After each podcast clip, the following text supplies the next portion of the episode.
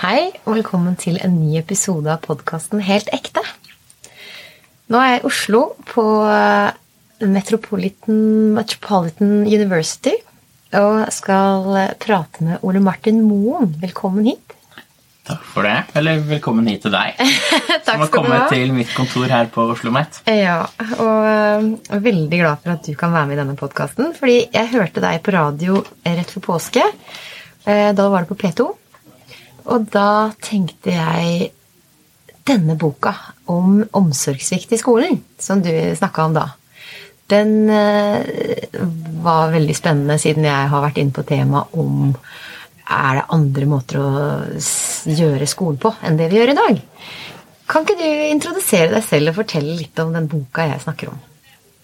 Ja, altså jeg heter altså Ole Martin Moen. Jeg har skrevet en bok nylig som heter 'Skolens omsorgssvikt'. Og fikk også en gladnyhet bare for var det to dager siden om at, om at boka blir kjøpt inn av Kulturrådet, slik at den går rundt alle, alle biblioteker rundt om i Norge og sånn. Så det er altså veldig gøy å se at, eh, se at den blir satt litt pris på og blir distribuert ut. da. Så noe som det er verdt å, å distribuere. Og det er jo en bok hvor jeg anlegger liksom et sånt omsorgssviktperspektiv på det som skjer i skolen. Eh, Jeg har en god del erfaring fra skoleverket selv. Jeg er utdannet lærer. Jobbet på lærerutdanningen tidligere. Eh, Men nå er jeg professor på Helsevitenskapelig fakultet her på, her på Oslo Met. Og eh, det er ganske mange ting som skjer i skolen som jeg var litt blind for da jeg var på innsiden, og som jeg trengte å få litt mer på avstand før jeg så. Noen ting er så store at du må få dem litt på avstand før du ser dem ordentlig. Og sånn opplever jeg at det er litt med, med, med skolen. Um, og, så ja, jeg, jeg ser på et av utgangspunktet i at skolen, som den juridisk har, den har omsorgsplikt overfor elevene, eller barna, eh, når, de, når de er på skolen. Og da er det viktig å spørre seg, da. Er det slik at skolen klarer å sikre at barns grunnleggende behov blir møtt? Eller kan det være slik at skolen faktisk utsetter barn for omsorgssvikt? Det er på en måte en, en måte å tenke på og en, en inngang til å forstå og evaluere det som skjer i skolen på, som det slår meg som egentlig litt rart at ingen har gjort, og ingen gjør. Eh, disse feltene, altså barnevern og sosialt arbeid, jobber jo med omsorgssvikt, og det er forskning på det. Og den handler jo da om hjemmet, eventuelt om barn som er på asylmottak og slike ting. da. Så har du skoleforskningen, og den jobber jo med læring primært. da. Litt om mobbing og trivsel og sånne ting. Men å på en måte se på skoleverket med omsorgssviktbriller, det er det Det, det, det, er, det har ikke, ikke vært gjort, i hvert fall ikke i, i Skandinavia. Og minimalt ellers også. Så det er på en måte mitt sånn Det løsnet litt, opplevde jeg, da jeg skjønte at det er de brillene man At det er nyttig å se på skolen med de brillene. Jeg har jo begynt å lure litt på det her som både mamma, og så har jeg blitt eh, leder i FAU på skolen til barna mine. Og jeg ser jo at alle vil jo så mye, men så er det mangel på ressurser. Eh, Vi vil jo ha flere voksne inn i skolen. eh, Og så prøver man å gjøre noe med det, men med en gang man begynner å se tettere inn i korta da, hva kunne vært gjort annerledes, så er veldig mange lærere redd for å bli kritisert på at de ikke gjør ting bra nok. Så det virker som om folk er så redd for å bli kritisert at de, det å bli sett på med andre øyne eller andre briller, sånn som dette med omsorgssvikt, at dette kan være litt sånn skummelt. Har du møtt noe motstand fra lærerstanden med denne boka, eller er den kun ønska velkommen fra alle? Jeg, jeg, jeg har ikke møtt så mye motstand. Jeg, jeg, jeg har møtt noen øh, Jeg har møtt noen lærere som har vært på en måte, på en måte litt på defensiven. Eh, Men da har det vært altså, Jeg har ikke diskutert Den kom ut for bare tre uker siden, så jeg har ikke diskutert den med så mange, med så mange lærere, annet enn at det har blitt mye diskusjon om den på sosiale medier. Eh, Og der har det jo vært noen lærere som på en måte har vært defensive, og vi gjør jo veldig mye. Ja. Eh, Men jeg har egentlig sluppet å svare, for det har vært andre lærere der som har på en måte hoppet inn og sagt at dette er ikke en, denne boka er ikke en kritikk av hva lærere gjør. Den er en systemkritikk av skolen som går ut på at det er satt av forsvinnende liten tid til at de voksne i skolen skal sikre at barns behov utover behovet for skolefaglig læring faktisk blir møtt. Så det er veldig mange heltmodige lærere som tar seg tid og smører en eh, brødskive hvis et barn i skolen trenger det, og som er der. Men og på å si all heder og ære til dem for det. Eh, så det er, en, det er, ikke en, kritikk av hva lærerne gjør, eh, men det er en kritikk av de rammene som barns hverdag i offentlig regi, som er det skolen er, rammene det skjer innenfor. Man tenker, barn, har, barn har mange behov. Mm. Det er emosjonelle og sosiale behov. Eh, de har ernæringsbehov. Ikke minst de har et beskyttelsesbehov. Og de har et læringsbehov.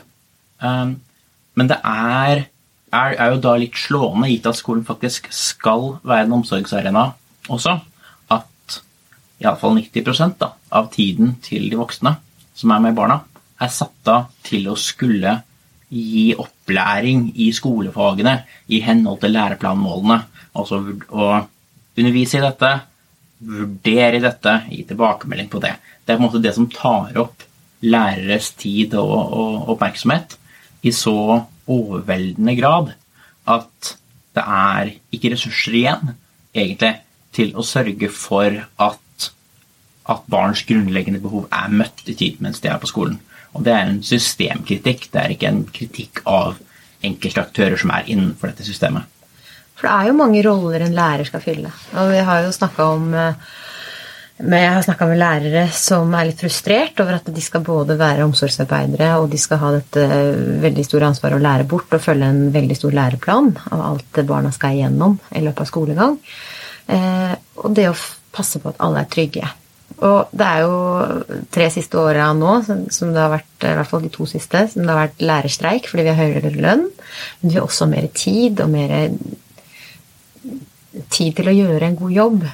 Og det er jo mye snakk om psykisk helse, og mange som blir utenfor, og mange som blir mobba. Og det som er I din bok så er det ikke bare den mobbinga fra elever som vi da har sett på som eh, Kanskje den, når vi tenker på mobbing, så tenker vi andre elever som mobber elever. Mens du sier jo på, også at karaktersetting på en måte er mobbing. Jeg tror ikke jeg sier at det er mobbing. Eh, fordi, fordi, det er det ikke. Men, jeg, men jeg, jeg, sier to ting. For det første så sier jeg at dersom et barn på skolen er utsatt for mobbing, så er ikke det bare slik at da er det et barn, et annet barn da, som er skyldig i mobbing. Da har skolen eh, forsømt sitt eh, ansvar for å beskytte. Eh, dette er på en måte litt det viktige med omsorgssviktvokabularet. Det ansvarliggjør de voksne i denne relasjonen. Så det er ikke slik at da har de et mobbeproblem på skolen. Da har de også forsømt sitt, eh, sin plikt til å beskytte det barnet på den måten det trenger. Det er også skolen som er den voksne ansvarlige aktøren her. Man kan ikke bare si, presse familier mot hverandre, for det er jo utrygge miljøer at mobbing skjer. Det er en måte å takle utrygge, utrygge miljøer på. På å skaffe allianser som gjør at du kanskje ikke sånn at du kommer lengst mulig vekk fra kanten hvor du blir utstøtt. Eh, så mobbing er jo et symptom på et, på et Eh, skolemiljø som ikke fungerer. Så Det er jo én ting ved det. Det andre, eh, som jeg tror, er det du hadde i tankene, er dette med, med om lekser og det presset lekser påfører, i noen tilfeller, langt fra alle, men i noen tilfeller, kan være eller utgjøre psykisk mishandling fra skolens side. For det, det, er på en måte to måter man kan utsette barn for omsorgssvikt på. Det ene er ved forsømmelser det er på en måte unnlatelsessynder. Da er det noe du burde ha gjort, men som du ikke gjorde. Altså, du, du har ikke gitt nok eh, tilstrekkelig mat eller klær, eller du har ikke vært tilstrekkelig liksom, emosjonelt tilgjengelig, du har ikke vært der for å beskytte. Det er noen ting du burde ha gjort, som du ikke har gjort. Så det er forsømmelser. Og for at det skal være Det er viktig å si, da, altså at for at noe skal være omsorgssvikt, så er det ikke bare at noe ikke er helt optimalt. Det må være en svikt i et barns omsorg som er så alvorlig at det setter barnets helse og utvikling i fare. Eh, og det kan enten være ved altså, voldsomme hendelser som varer over kort tid, altså voldtekter, altså veldig grov vold, så kan det sette barns liv og helse i fare bare i løpet av noen minutter. Men det kan også være ting som i og for seg er mindre påkjennende, men som varer over svært lang tid. Det kan også utgjøre omsorgssvikt. Og eh, På en side er det altså forsømmelser, på den annen side er det mishandling. Og mishandling er jo da det å gjøre noe som skader barn. Så det er ikke det at det er en unnlatelse, men du gjør noe som påfører barn skade. Det trenger ikke å være eh, intensjonen å skade. Det kan godt hende at man har som intensjon å gjøre det aller beste. Kanskje man, man tenker at en, ens religion sier at man må gjøre dette og dette, og man vil gjøre det med sine barn. Kanskje man tenker at, barn må, kanskje man tenker at det å slå barn er egentlig bra for deres utvikling videre, og har på en måte gode intensjoner sånn sett, men det kan likevel være mishandling. Uten, så det, det, det sier ikke noe om intensjonen bak. Og intensjonen med lekser er definitivt ikke mishandling. Men eh, jeg mistenker at for et mindretall av barn i skolen så kan lekser begynne å bli en form for psykisk mishandling. Fordi Og det er en del grunner til det. Det er jo det at eh, selv om skoledagene har blitt lengre og lengre og lengre over de siste årene, så har det ikke blitt noen reduksjon i lekser. Um, og for de som uh, strever Og så vet vi også at på skolen så skal du Alle karakterene du får, skal settes ut fra de absolutte prestasjonene dine. Karakterer skal aldri settes ut fra et enkelt barns forutsetninger. Um, og de har veldig mye å si for hvordan det skal gå videre, hvilke skoler du skal komme inn på, hvilke muligheter du skal ha økonomisk videre i livet. Og dette introduserer vi jo fra barn er i 12-13 års alder som en sånn veldig viktig ting eh, videre for deres liv. Og for en del barn går det veldig bra, for en del barn går også da lekser eh, bra. Men for en del barn som strever veldig med å jobbe med dette, kanskje får lite hjelp til det hjemme, som får en negativ tilbakemelding på dette igjen og igjen og igjen, og blir gitt insentiver da, til at mer og mer av det som ellers kunne vært fritid og rekreasjon, eh, eh, blir spist opp av å måtte gjøre skoleoppgaver. Eh, hvis det presset står der over tid, og det er også sånn i skolen at når barn er, hvis barn blir sykemeldt, så kan de slippe å møte opp på skolen. Men de må likevel, altså ved årets slutt, så skal alle karakterene settes ut fra faktisk måloppnåelse. Så selv om du er syk, så må du, eh, så må du bruke den tiden på å tilegne deg de ferdighetene likevel. Eh, og det å på en måte Altså man står i en krise i en familie, da, og dette karakterpresset ligger der likevel, og det, det på en måte bunker seg på, så slik at altså, det er mer og mer, og du får jo press fra foreldre kanskje også, for de vet jo at karakterer har veldig mye å si. Og det si, intense fokuset, den overveldende rollen som skolen, skolearbeidet da, kan begynne å presse på skolen, kan begynne å spille. Ikke bare på, i skoletiden, men også i barnets fritid og i helger. Altså det, at den, det er på en måte ikke noen sånn skanser eller grenser for hvor mye av et barns liv det kan, kan spise opp. Det tror jeg at er en faktor vi må være åpne for. At i en del tilfeller kan utgjøre psykisk mishandling fra skolens side. Jeg kan jo tenke meg som arbeidstaker, hvis jeg blir sykemeldt, og så vet jeg at arbeidsoppgavene mine på jobb de bare hoper seg og venter på meg når jeg kommer tilbake. Ja. Jeg tror ikke jeg blir noe friskere av det. Nei, og barn, barn, har på en måte ikke muligheten sånn sett, til å bli sykemeldt. Nei. Barn er ikke vernet av arbeidsmiljøloven, um, så vi, altså barn i skolen. Så man uh, ja, man står i et eh, Altså skolen, det presset skolen påfører, da. Det, for noen er det bra, for noen er det det de trenger. Eh, barn trenger å bli stilt forventninger til. De trenger et trygt sted å være på dagtid, åpenbart. De trenger rutiner. Er, og for noen er innholdet i skolen alt i alt et stort gode. Men for en del som får karakterer, kanskje, da, i lavere deler av karaktersjiktet, vet hva de har å si for ting videre, og de er kanskje i en situasjon pga. situasjonen på skolen eller hjemme som gjør at det faktisk ikke er mulig for dem å prestere og klare å lære de tingene som de skal lære seg. Forutsetningene er ikke på plass. Eh, man holdes ansvarlig for å klare å opparbeide seg skolefaglig prestasjonsevne selv om man er på en skole eller i et hjem preget av eh, si, vold, f.eks. Så er det på en måte det barnet som holdes ansvarlig, og som blir gjort ansvarlig videre inn i fremtiden sin, til å prestere uavhengig av om forholdene rundt det barnet gjør det mulig for det barnet å klare å gjøre det i det hele tatt.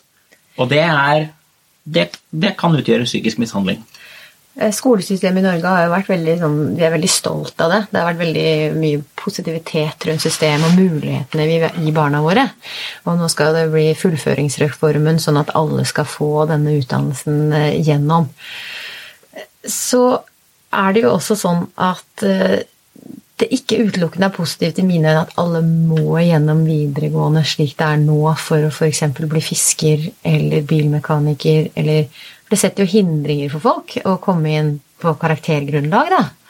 Um, så karakterer også nevner du i boka di som um, ja, ja. Som et Altså som et egentlig med, med vilje, altså stresskapende intensiv. Da. Man må jobbe med, med skolefag, og da må man jo spørre seg, da. Altså hvor hvor viktig er denne skolefaglige læringen mm. egentlig? Og det er et, et, spørsmål som ligger litt sånn utenfor si, pedagogikkens domene. Altså Pedagogikkfaget studerer på en måte litt sånn ja, barns læring og hvordan de kan lære best, og hva som funker og sånn.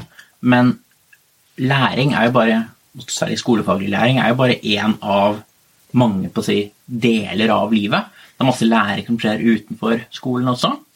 Eh, det er masse mange erfaringer man gjør seg ellers. Det er andre ting i livet, altså hens relasjoner. Det er masse andre verdier også utover skolefaglig læring.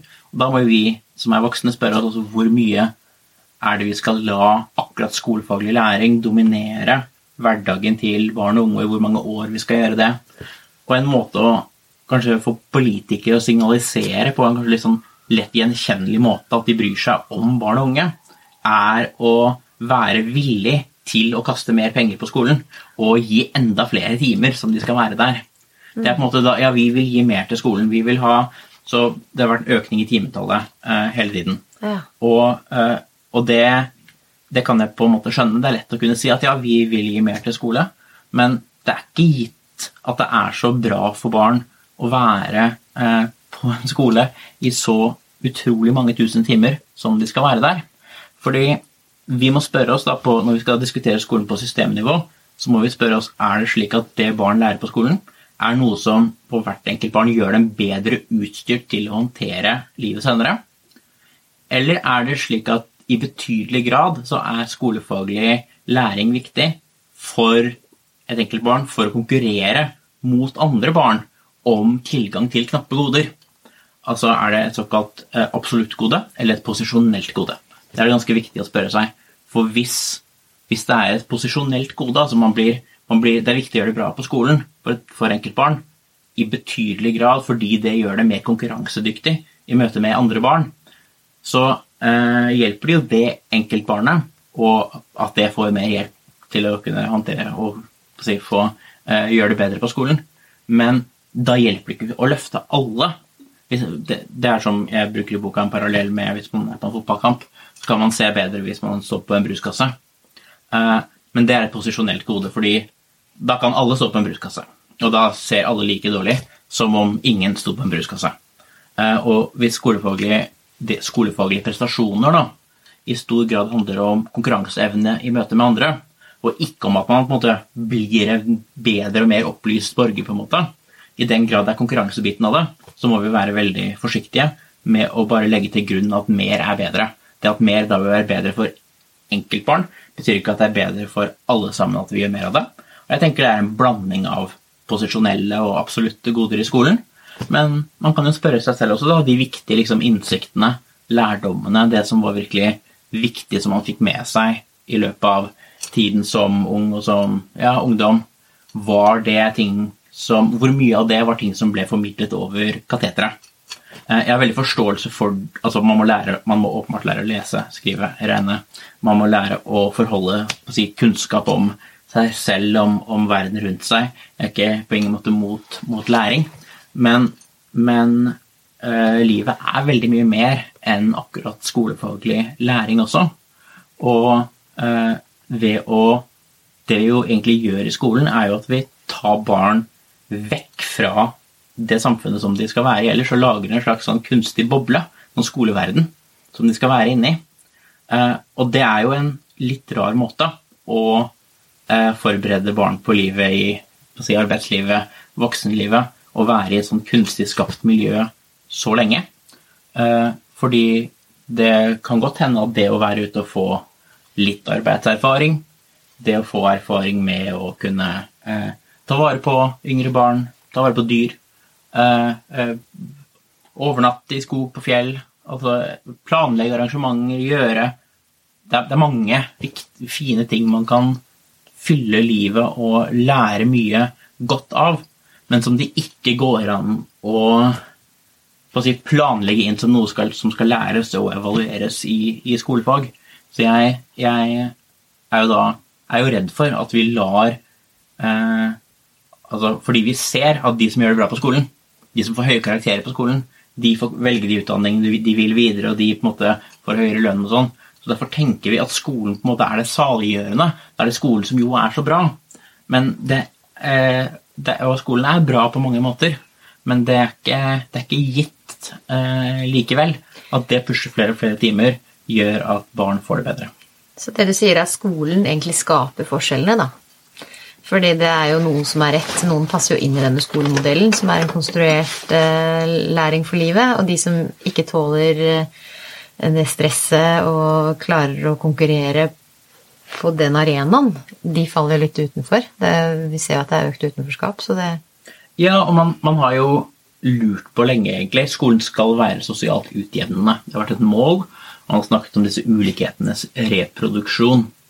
Og én måte å forklare hvordan skoler eh, reproduserer ulikhet, altså at, at eh, kommer du fra en, en familie der begge foreldrene, foreldrene, har høyere utdanning, så går det bra med deg på skolen, liksom. Kommer du fra et, et, et hjem med lavere utdanning, lavere eh, lønn for foreldre, kanskje større helseutfordringer, fysisk-psykisk for foreldre, så det, går det også dårligere med på skolen. Og, og, man vil at skolen skal være utjevnende, men den er ikke det. Den forsterker forskjeller. Mm. Og en, man har lurt på hvorfor. Men hvis det er slik at skolen i betydelig grad er en byrde som må håndteres, så gir det jo veldig mening at ulikhetene reproduserer seg. For da trenger du et nettverk rundt deg av folk som har ressurser, økonomisk og på andre måter, til å hjelpe deg gjennom dette systemet og få deg liksom, klare å få deg gjennom. Eh, mens hvis du ikke har det, så, eh, så klarer du ikke denne påkjenningen eller belastningen. Så i den grad skolen er en belastning, så er, burde vi jo forvente at skolen reproduserer ulikhet. De som ikke klarer det, de som eh, ikke mestrer den, det store presset og kanskje får, får, skolevegring, så ser man gjerne at det er en personlig svikt i det enkelte barnet. Eh, mens eh, alle godene eller alle de positive tingene ser man på systemet, på systemnivå. Altså når det er skolevegring og barn som blir mobba, så ser man på individnivå. Eh, kan ikke du fortelle litt om det? Ja, jeg, jeg er litt bekymret for at når vi skal vurdere om skolen er god, hvor, hvor bra er egentlig skolen, eh, så ser det ut til at det er sånt, en sånn måte som ligger til grunn for hvordan vi, vi snakker om å vurdere skolen, at, eh, at, når ting går bra, eh, når folk har lært noe, det er trivsel, det er andre si, gode ting, så er det på en måte her ser vi verdien av skolen. Så svært mange goder som produseres av skolen, tilskrives på en måte skolesystemet. Eh, men det er pga. dette systemet at vi takket være det at vi har fått dette. Eh, men når det kommer til de negative sidene, så er de i mye større grad forklart av enkeltmennesker i dette systemet. Da er det et barn som har feilet, kanskje en lærer eller forelder som har feilet. Altså der, da har det vært en lokal svikt. Så, så når det skjer innenfor alt som skjer Tenk på hvor mye, hvor mye som skjer på skoler i Norge i løpet av en dag.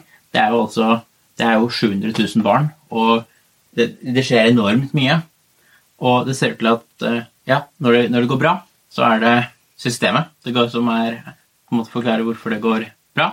Mens når det går dårlig, så er det enkeltmennesker som har skyld i det. Og det er litt rart. Burde, det burde egentlig være symmetrisk hvis, eh, hvis, hvis systemet får, får eh, creden på en måte for det gode, så burde den også få belastning eller få bli, bli tilskrevet det, det, dårlige også. Vi vil jo på en måte at skolen skal være veldig bra, og den er jo på mange måter også veldig bra.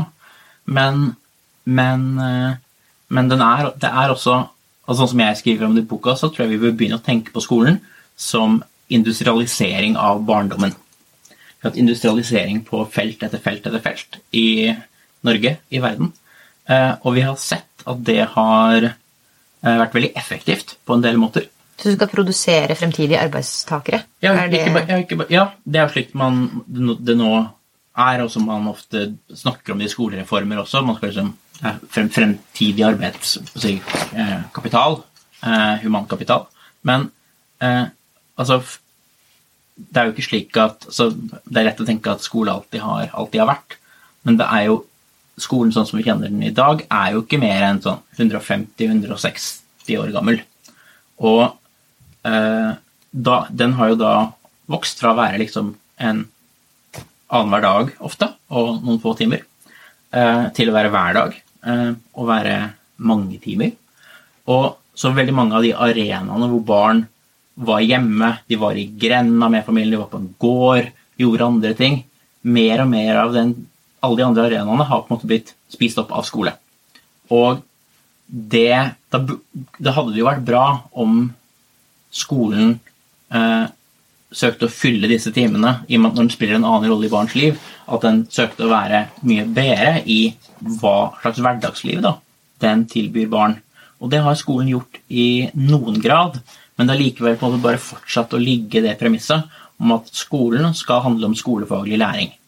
Det ga full mening da skolen var annenhver dag, og det var, i, eh, det var liksom mandag, onsdag, fredag, eh, tre-fire timer, og det varte i tre år, liksom da skjønner jeg at da var fokus på skolefag, liksom. Eh, men det premisset har liksom bare fått lov til å bli med, selv om skolen spiller en helt annen rolle, helt annen rolle i, i, barns liv enn hva, det, enn hva, de gjorde før. Og det, så jeg, jeg tenker det, det, det, ligger jo ikke noen onde hensikter her hos noen, men det er en historisk utvikling. Og vi har sett mange steder i samfunnet, i fabrikker f.eks., at, industrialisering kan gå ganske hardt. Det er effektivt, på mange måter, men det kan også gå veldig hardt utover særlig eh, sårbare enkeltindivider. Det kan være eh, si, skader på både, både, kropp og sjel som kan skje pga. industri. fordi med det industrielle så er det mer avstand mellom de som tar avgjørelser, og de avgjørelsene går utover. F.eks. man har en veldig effektiv målstyring, hvor man skal forsøke hvor man belønner ut fra, ut fra, ut fra innsats og hva man klarer å levere økonomisk. og og, da, og det at skolen som vi kjenner den i dag, da, er et produkt av den industrielle revolusjonen. Skole som, sånn som vi har det i dag, eller i nærheten av det, fantes ikke før den industrielle revolusjonen.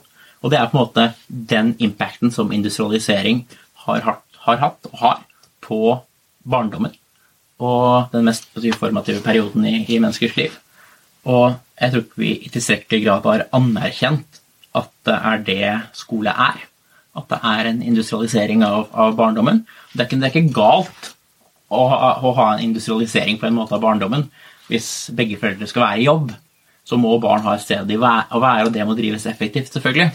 Men vi må være klar over at sånn historisk sett så er det jo det som er radikalt, og egentlig et radikalt og nytt eksperiment, er jo å ha barn i skolen så mye som i dag. Det er veldig bra i boka di når du klarer å bryte alt ned eh, og definere alt så tydelig, sånn at du på en måte får litt sånn øynene opp for at dette her høres jo ikke så bra ut.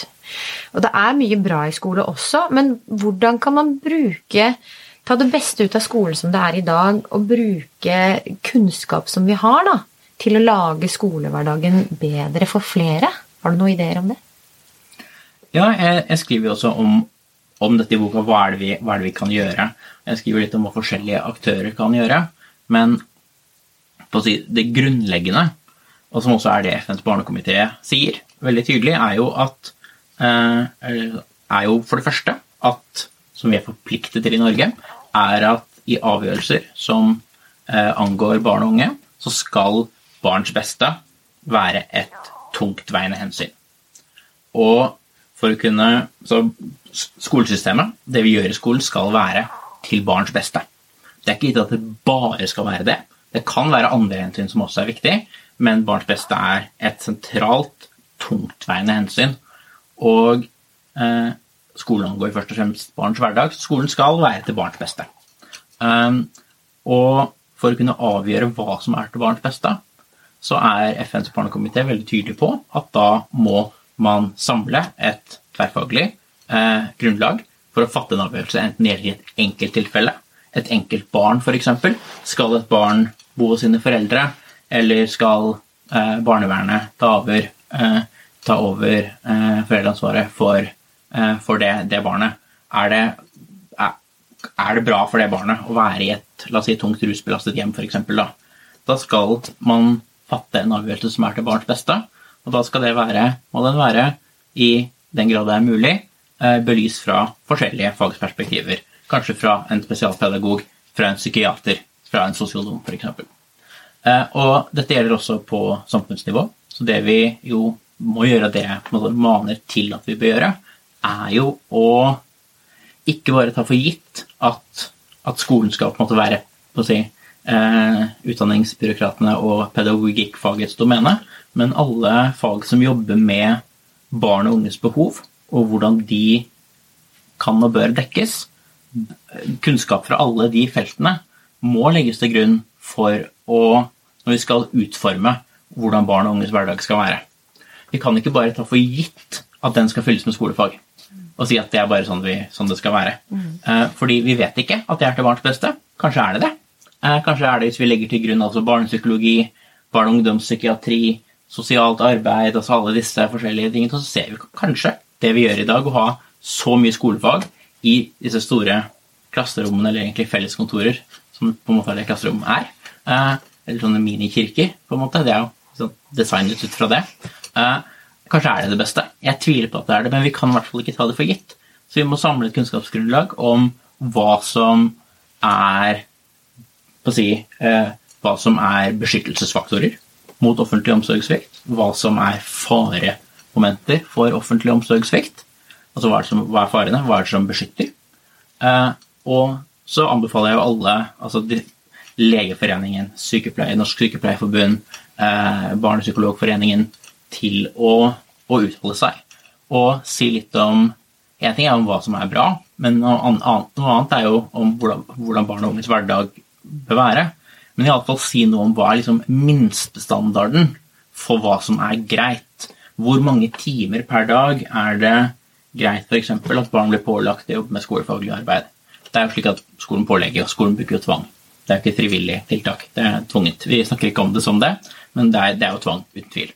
Og hvor mye, hvor mye tid da, er måte, hva er på en måte taket for hva som er forsvarlig det skulle jeg veldig gjerne ønske at, det skulle jeg ønske at, at eh, disse organisasjonene som jobber med å organisere ja, psykologer, leger, uttalte seg om. Hva er det som er en forsvarlig Hvordan ser en forsvarlig hverdag for barn og unge ut? Gjerne hva som er veldig bra også, men i alle fall si at hvis det er mer hvis det er, hvis det er, det er en del ting som ikke er greit. Det kan ikke være på slike måter. Det kan ikke være på slike måter, det kan ikke utradere fritiden. Det, ikke, altså det, det, er en del ting vi ikke kan gjøre, som ligger under grensen for en, en ansvarlig praksis. Det er, eh, det er det vi trenger for å utforme barn og unges hverdag i offentlig regi, som er det vi skal gjøre i skolen. Jeg tror ikke at det krever en endring i opplæringsloven. Nå er det en ny opplæringslov ute til høring, så den skal jeg ikke uttale meg om, men den opplæringsloven som gjelder nå, den er ikke så verst. Den er veldig fin i sine mål om hva barn skal gjøre, og den ikke Den spesifiserer litt om hva faget skal være, men der det spesifiseres, er jo i læreplanene og eh, fag- og timefordelingen. Og eh, der tas det bare for gitt at eh, måten å måtte oppnå de store, egentlig veldig fine ordene i opplæringsloven, er å bare tapetsere barn og unges kalendere med skolefag. Eh, som jeg da tror vi ikke bør gjøre. Men så langt jeg kan se, så krever det forskriftsendring og ikke lovendring å få til det.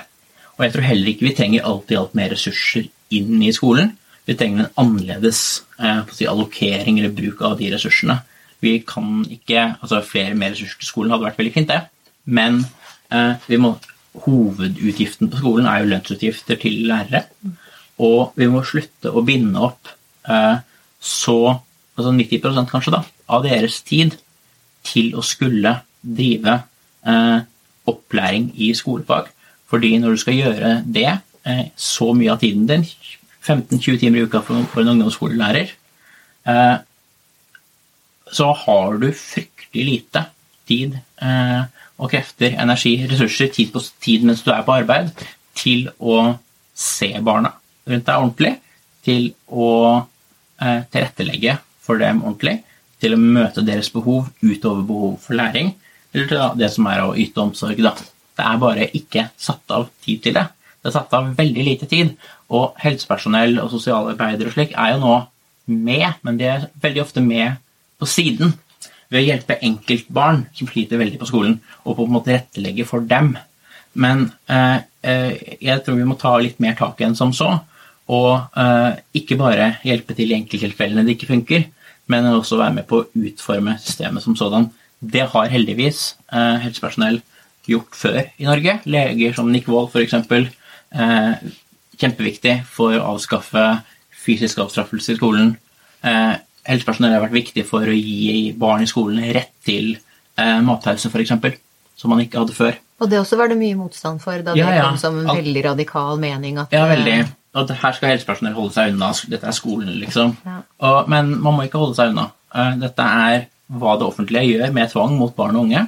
Og hvis man selv mener at det som skjer der, er uforsvarlig, det er tydelig ikke det barns beste, så må man faktisk si det eh, som, som helsepersonell. Og det burde også da organisasjonene som representerer de ulike helse- og sosialprofesjonene, bruke sin profesjonsfaglige tyngde til å, til å kommunisere klart og tydelig overfor, overfor ja, utdanningsmyndighetene. Jeg har jo tenkt at eh, jeg får barn som klarer fint å konkurrere i eh, denne konkurransedrevne hverdagen, da. Så jeg har tenkt at det er ikke noe problem. Vi får bare tilpasse oss, har jeg tenkt. Skolen er der, det er sånn det er, det er ikke noe å gjøre med. Så ser jeg da at jeg får en sønn som ikke syns det er så kult å gå på skolen, og begynner å se litt på det her. Så tenker jeg, er det han det er noe feil med, er det oss det er noe feil med, eller er det læreren det er noe feil med? Eh, og så ser jeg at alle gjør så godt de kan. Alle er egentlig fine folk som prøver å få det til, men så ser jeg kanskje at det er systemet det var noe gærent med. Og det du sier, bekrefter jo litt den tanken jeg har, eller hadde. Og derfor ble jeg veldig gira på å få prate med deg.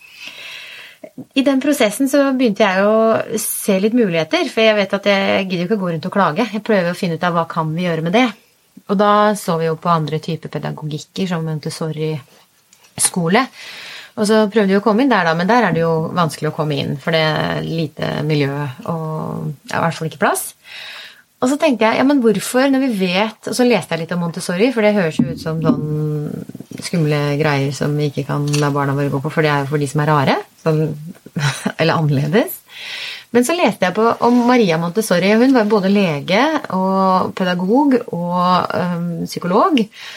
Og, og hun observerte jo og tok alle disse samlingene av fagfelter og fikk da øh, Var det barn med Downs syndrom til å lære? Og når de da kom inn i læringsmiljøet øh, og konkurrerte på en måte med øh, friske barn, da, og så at ja, men hvorfor gjør de det ikke annerledes på alle? For at alle kan få en god mulighet. Du vet kanskje noe om Montessori, kanskje du må korrigere historien din litt? Jeg vet ikke så veldig mye om arbeidet til Maria Montessori, egentlig. Eh, Men eh, hun var vel en lege, ja, og har jo hatt sin ja, tanke om at eh, barn må oppsøke litt selv. Man må ha materiell som er stimulerende. Som Man kan ikke bare bli, fortelle barn ting, for det er ikke slik man lærer. Eh, mer autonomi eh, enn man ellers eh, kanskje har i offentlig skole. Eh, så jeg er nok positiv til, til Montessori-skoler. Det er jo et veldig veletablert alternativ i Norge.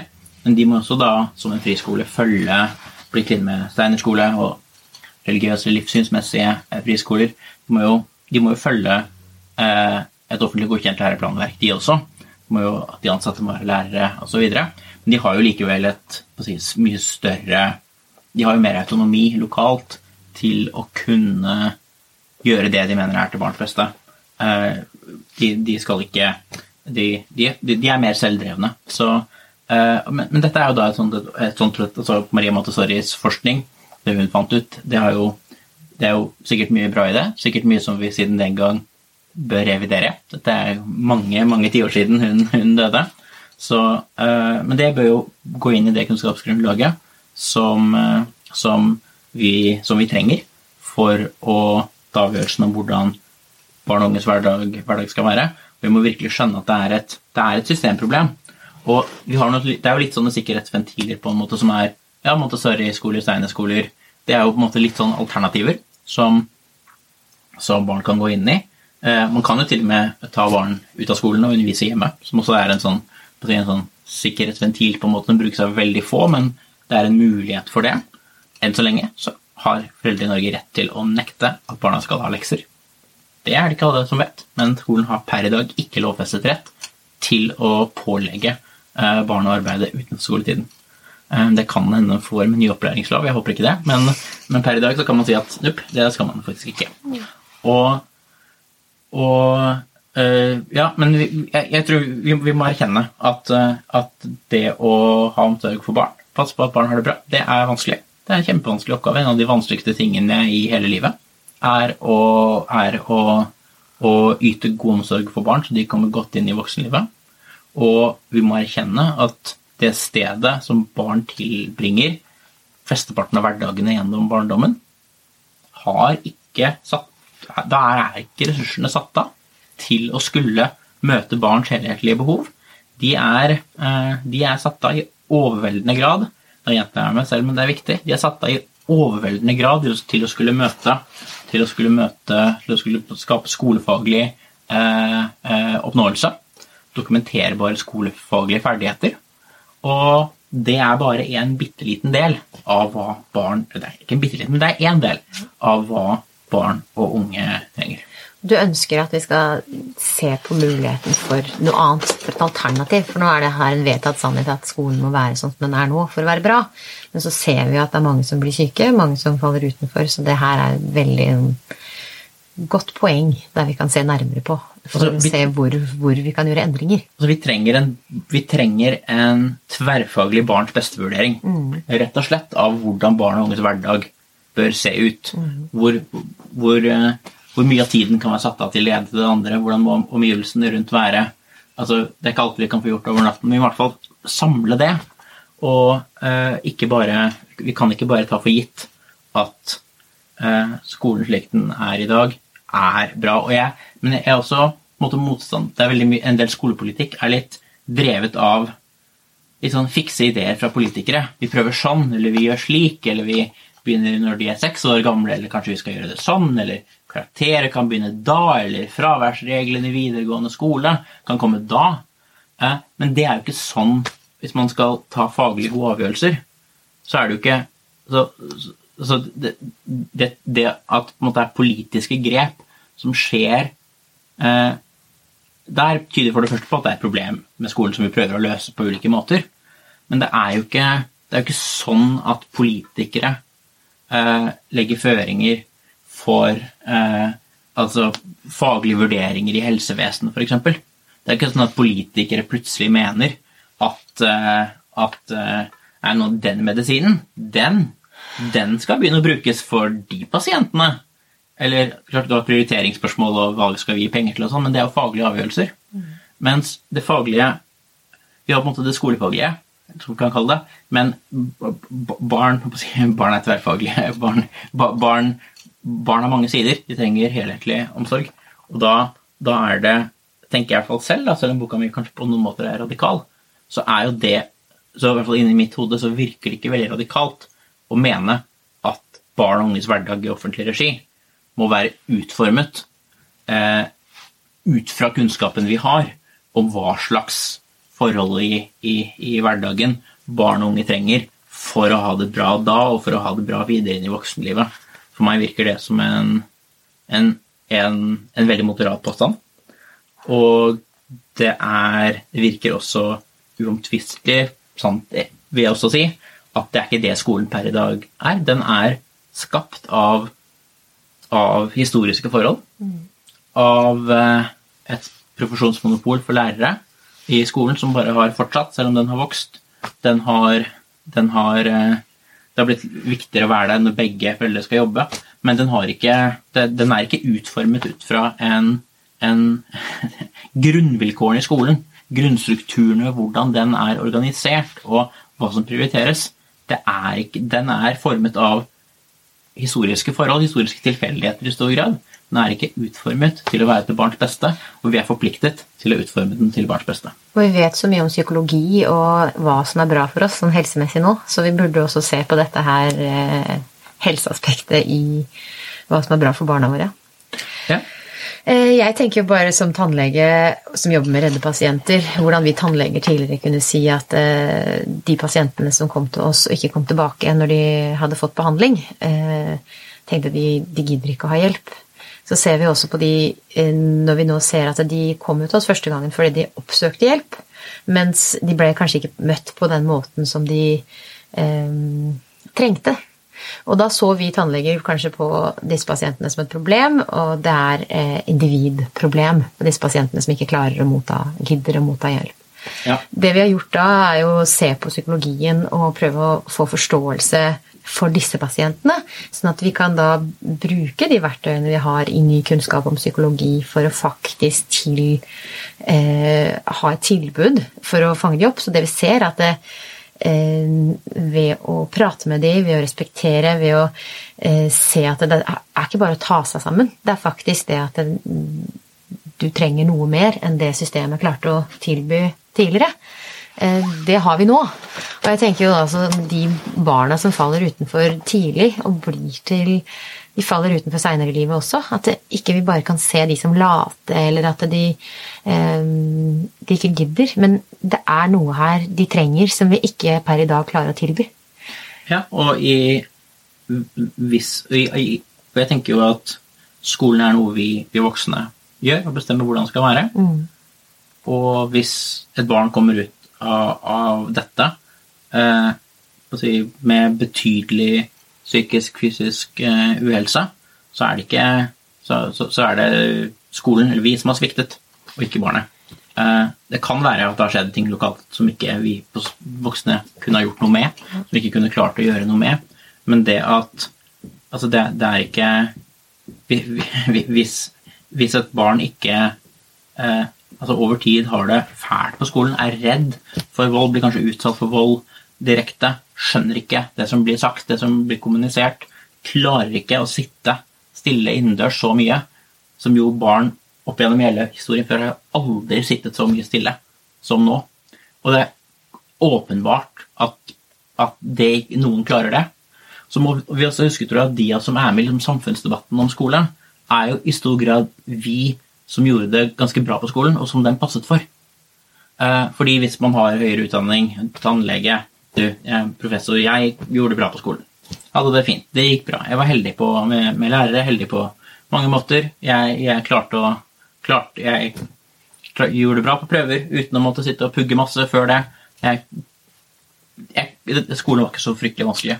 Og jeg tror det er en veldig stor overrepresentasjon av oss mm. blant dem som jobber med utdanningsbyråkratiet og Kunnskapsdepartementet og tenker liksom at ja, men det, skolen det var, jo, det var, jo, greit nok, det. Det var veldig fint, og det var hyggelig, og jeg presterte, jeg fikk jo liksom femmere og sekstere og sånn. Og det er jo som klapp på skuldra, liksom. Det var hyggelig, det, liksom. Men å få liksom ener eller toere, liksom, i stedet for, det er en, det er en helt annen opplevelse. Mm. Så vi må huske at det en måte som jeg har skrevet om litt før, er at, vi, at vi, de som på en måte var i det man kan kalle den skoleflinke-kategorien, kunne jo tenke oss at for mange av oss så var jo kroppsøving, gym, det var ikke så veldig gøy. Mm. Eh, og sånn som det heldigvis var, da, for, for, min del, så var det jo slik at det var ikke noen karakterer ut fra absolutte prestasjoner egentlig i kroppsøving. Det var det ikke. Du måtte kunne noe om, om, om, om kroppen og slike ting, men det var ikke sånn du må ikke hoppe Det var noe av det, men det var ikke så tydelig at hvis du hopper så langt, så får du en sånn karakter, liksom. Mm. Men for de som kanskje er veldig fysisk anlagt, gode på både finmotorikk og motorikk, liker å bevege seg, er gode på det eh, for, for, dem så kan man jo se for seg at dagens skole, hvor man må sitte stille og bli fortalt ting og huske det og skrive det, eh, egentlig vil fortone seg litt sånn som en skole ville vært for meg. Jeg vet ikke om det ville vært for deg, men la oss si at jeg gikk på en skole hvor, da jeg var ung, hvor eh, hvor eh, det hver dag i kanskje fire-fem timer var ulike typer kroppsøvingsfag. Det var kulestøt, ett i to timer med det og to timer med liksom eh, langdistanseløping og tre timer med spurt og forskjellige sånne ting. Og eh, at det å eh, gjøre det bra der, det var det jeg måtte for å få muligheter videre i livet. Og så var det kanskje satt av ikke sant, kanskje to-tre timer i uka til ja, akademiske fag. Til liksom, norsk-engelsk matematikk, liksom. Eh, jeg hadde hatet det skolesystemet. Jeg hadde vært livredd for alt som hadde med en sånn skole å, å gjøre. Jeg hadde fått fullstendig eh, aversjon mot å trene eller nærme meg en garderobe på noen måte. Og, eh, det hadde vært, og det hadde vært kjempestress. da. Jeg må klare 60-meteren på under 10 sekunder for å, kunne, under, for å klare å komme inn på det jeg trenger. liksom. Vanvittig stress liksom, på det. Eh, jeg tror at de også på en måte er, har anlegg mer i den teoretiske retningen, da, må forstå at vi hadde hatet en sånn skole. Og vi må skjønne at for de, de som er eh, mer praktisk anlagt, så kan hende dagens skole fremstår litt for dem. Mm. Sånn som en slik ekstrem kroppsøvingsskole ville ha fremstått for oss. Jeg har en veldig praktisk sønn, og han eh, Sommeren til fjerde klasse så lurte jeg på hva som var galt, for han var så veldig lei seg. Så begynte han å gråte og si at jeg, jeg, er jo så dårlig i matte, så jeg kommer ikke til å få meg noe jobb når jeg blir stor. Og det å ha de bekymringene fra du er i treklasse, det er liksom derre og så begynte vi å jobbe litt med ja, må du egentlig det, det er mange muligheter. Men de mulighetene var så langt unna. da. De var ikke så tydelige for han. For det er, enten så er du god i matte eller norsk eller og kan disse tingene. Og, ja, og, og altså, jeg syns særlig matte er veldig kommer litt ut for meg, men jeg, jeg prøver i boka ikke å si så mye om skolefagene. Ja. For jeg tenker det, det, sier veldig mange noe om, og jeg har ikke lyst til å ja. måte, melde min uenighet med flere enn jeg trenger å melde min uenighet med. Men matematikkfaget er jo et på en måte et litt underlig fag. Ja. For det er eh, altså Skal du ut ungdomsskolen i matte, da, så nå har jeg ikke eh, mattevenstre for ungdomsskolen helt i hodet, men du skal lære ganske mange relativt komplekse ting. Sånne eh, komplekse øvelser, hvordan du kan ikke sant, uh, multiplisere brøker, du skal kunne primtallsfaktorisere, du skal kunne kanskje løse annengradsligninger, en del god del trigonometri og sånn du må, må gjøre. Og og, så det er jo et sånt fag hvor, eh, hvor barn må lære seg eh, ting som folk flest som er voksne, faktisk ikke kan. Men det er jo fordi kanskje før så var matematisk problemløsning en, en veldig sånn stor greie, og det å finne en måte å drive problemløsning på. Men når han sitter nå og skal gjøre deloppgaver på fjerde trinn, og jeg sitter og klør meg i huet, for jeg har jo helt glemt det her skal jeg... Ja, og, du er jo, og, og, du er jo, og du er utdannet tannlege, så du har jo, du har jo en realfagsbakgrunn også. Ja, ja. ja. Jeg har lidd meg gjennom, da. Ja, men er ikke det, men, men, men er ikke det veldig jeg, jeg husker at min mattelærer på barneskolen sa at du kommer jo det er viktig å kunne disse tingene, for du kommer jo ikke til å gå med kalkulator i lomma hele tiden. Nei, men nå gjør vi jo det. det, det, det for vi drar fram kalkulatoren ja, ja. hele tiden for å sjekke fasit. Ja, vi har jo kalkulator Vi har jo kalkulator i lomma. Det er ikke det at matematikk er på en måte Altså Matematikk er kjempeviktig, og realfagsferdigheter er kjempeviktig, for, for, all del. Men det er veldig mye sånne altså algoritmer for utregninger og slik som man skal gjøre. Man ser jo at eh, når man setter ned eh, komiteen for læreplan, da, så er det jo mattelærere i stor grad da, som skal på en måte som alle har sine ting, da, og matte, de som er, si, jobber med matematikk spesifikt, og er matematikklærere eller matematikkprofessorer og sånn, de har jo sine tanker om at matematikk er selvfølgelig veldig viktig. Og, og, men ja, jeg, jeg, jeg, skulle gjerne sett men det er jo det. Men det er det jo viktig å kunne god kunst også. Og ja. det er jo de som er interessert i det å um, utforme ting og se nyanser, eller de som liker ord og det å utfolde seg der, det også er jo viktig. Men det å detalj, ha detaljkunnskap om alt i den ja, grad, det er kanskje ikke helt Ja, det, det er veldig mye sånn det, det, er veldig mye matematikk som er altså Det er, av, altså det er mye, mye, man skal kunne på skolen mm. i mange fag mm. som voksne ikke kan. Det er jo en viktig ting å si til barn også. Det er ikke sånn at Voksne går rundt og kan alle disse tingene. Eh, altså Hvor mange voksne kan du forklare forskjellen på Theravada-buddhisme og mahayana-buddhisme? liksom? Det, det, det, er ikke så veldig mange som Det er ikke sånn at alle voksne går rundt og vet det, på en måte. Innen, eller som kan på en måte forklare gangen som i første verdenskrig. Eh, det er ikke så mange voksne som kan gjøre det. Eller som kan gjøre rede for liksom, nyrealismen. Noe som står som i læreplanen. Eh, men så det er veldig mange ting de, de da må lære, og det er jo fint at de får på en måte litt av hvert, som en sånn potpurri av forskjellige ting. Og jeg tenker jo det er fint å kunne lære og lære. Ja, det er en ting man hele tiden snakker om. Ja. Hvis innholdet ikke er nyttig, så er det i hvert fall for at du kan lære å lære. Eh, så har du sånn metating du kan gå til da. Men jeg, jeg, man må, man, barn må eksponeres for mange forskjellige ting. Men matematikk er et, sånt, er et sånt felt hvor det for meg virker som at det er et litt sånn en, en litt, det, det er litt sånn spesialvitenskap hvor vi går veldig sånn spesifikt til verks. Uh, mye mer kanskje enn på en del andre Espen Skåning har skrevet godt om dette. En norsk idéhistorieprofessor eh, som sa matematikkbakgrunn. Som har, som har sett litt på, på, på skolen og skolens matematikkundervisning. Og, og, og spør jo egentlig altså når, man, når man skal studere ingeniørfag eller matematikk eller fysikk på universitetet, så er det jo på en måte grunnkurs som du på en måte må gå gjennom igjen. Men eh, man påpeker jo at, at det å ja, at mange av disse måte, øvelsene du på en måte skal gjøre da, En ting er på en måte å kunne en ting er å kunne forholde seg til et tall, å kunne skjønne prosent. Eh, det er viktig. Å Kunne forholde seg til liksom, sin egen liksom, økonomi, kunne skjønne, liksom, skjønne tallsystemet og forholde seg til tall. Det er viktig.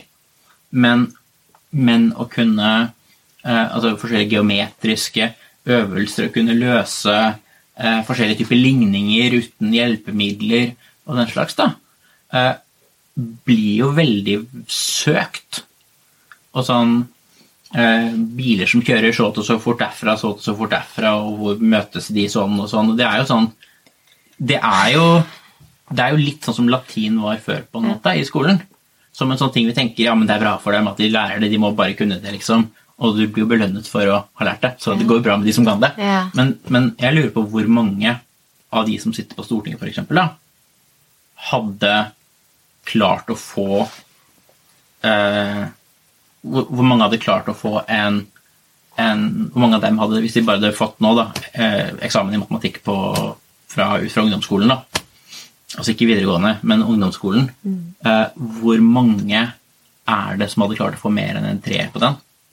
Hvor, hvor, mange, hvor mange tror du? Det er det ikke 69, 169 på Stortinget? Hvor mange tror du hadde klart å få mer enn en treer? Nei, det vet jeg ikke. Jeg vet ikke hva jeg hadde fått. Men jeg bare syns det er så utrolig gøy at du stiller så masse gøye spørsmål. Og det at du også avslutter boka di med at du, du tar på en måte kritikken eh, på forhånd. Før alle rekker å kritisere deg, så skriver du hva du vet du kommer til å bli kritisert på, og svarer på den før den kommer.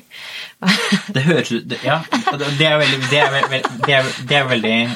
Det høres ut som kanskje jeg har skrevet en veldig svær bok. Nei, Den er ganske tynn og Den, liten. den er veldig den, den, er, den er på 120 sider. Den er veldig konsis. Den inneholder veldig mye, og den er eh, anbefaler. Og heldigvis da så sa du at den kommer ut eh, til alle skoler. I hvert fall til alle biblioteker. Alle biblioteker. Kulturrådet har vedtatt å kjøpe Ja. den inn. Ja, Og det er veldig, det er veldig hyggelig. ja, Så nå trykkes det opp et nytt opplag på 1000 stykker. ja. Så det er, eh, det er veldig fikk jeg også korrigert to-tre skrivefeil som jeg fant i den boken som var nå, før det nye opplaget kom ut. Så Ja, jeg oppdaga veldig ikke de. Det hadde sikkert mannen min gjort, for han er veldig opptatt av skrivefeil. Men, Ja, ikke sant? Nei, men de, de var ganske godt gjemt. Ja, okay. Ja, de var det. Jeg har jobbet som korrekturleser før. Oh, ja. Ja, så jeg, jeg, det er vanskelig å korrekturlese seg selv, men ja, nei, det er veldig, det er veldig fint at den får oppmerksomhet. Det er veldig, veldig hyggelig å bli intervjuet av deg om, om, om boken også. Veldig takknemlig for at du retter oppmerksomhet mot den og mot de, de tingene jeg trekker frem der. Ja. Takk for at, ville, at jeg fikk komme på besøk til deg også, da. Og at du ville la deg intervjue av meg. Takk for praten. Takk.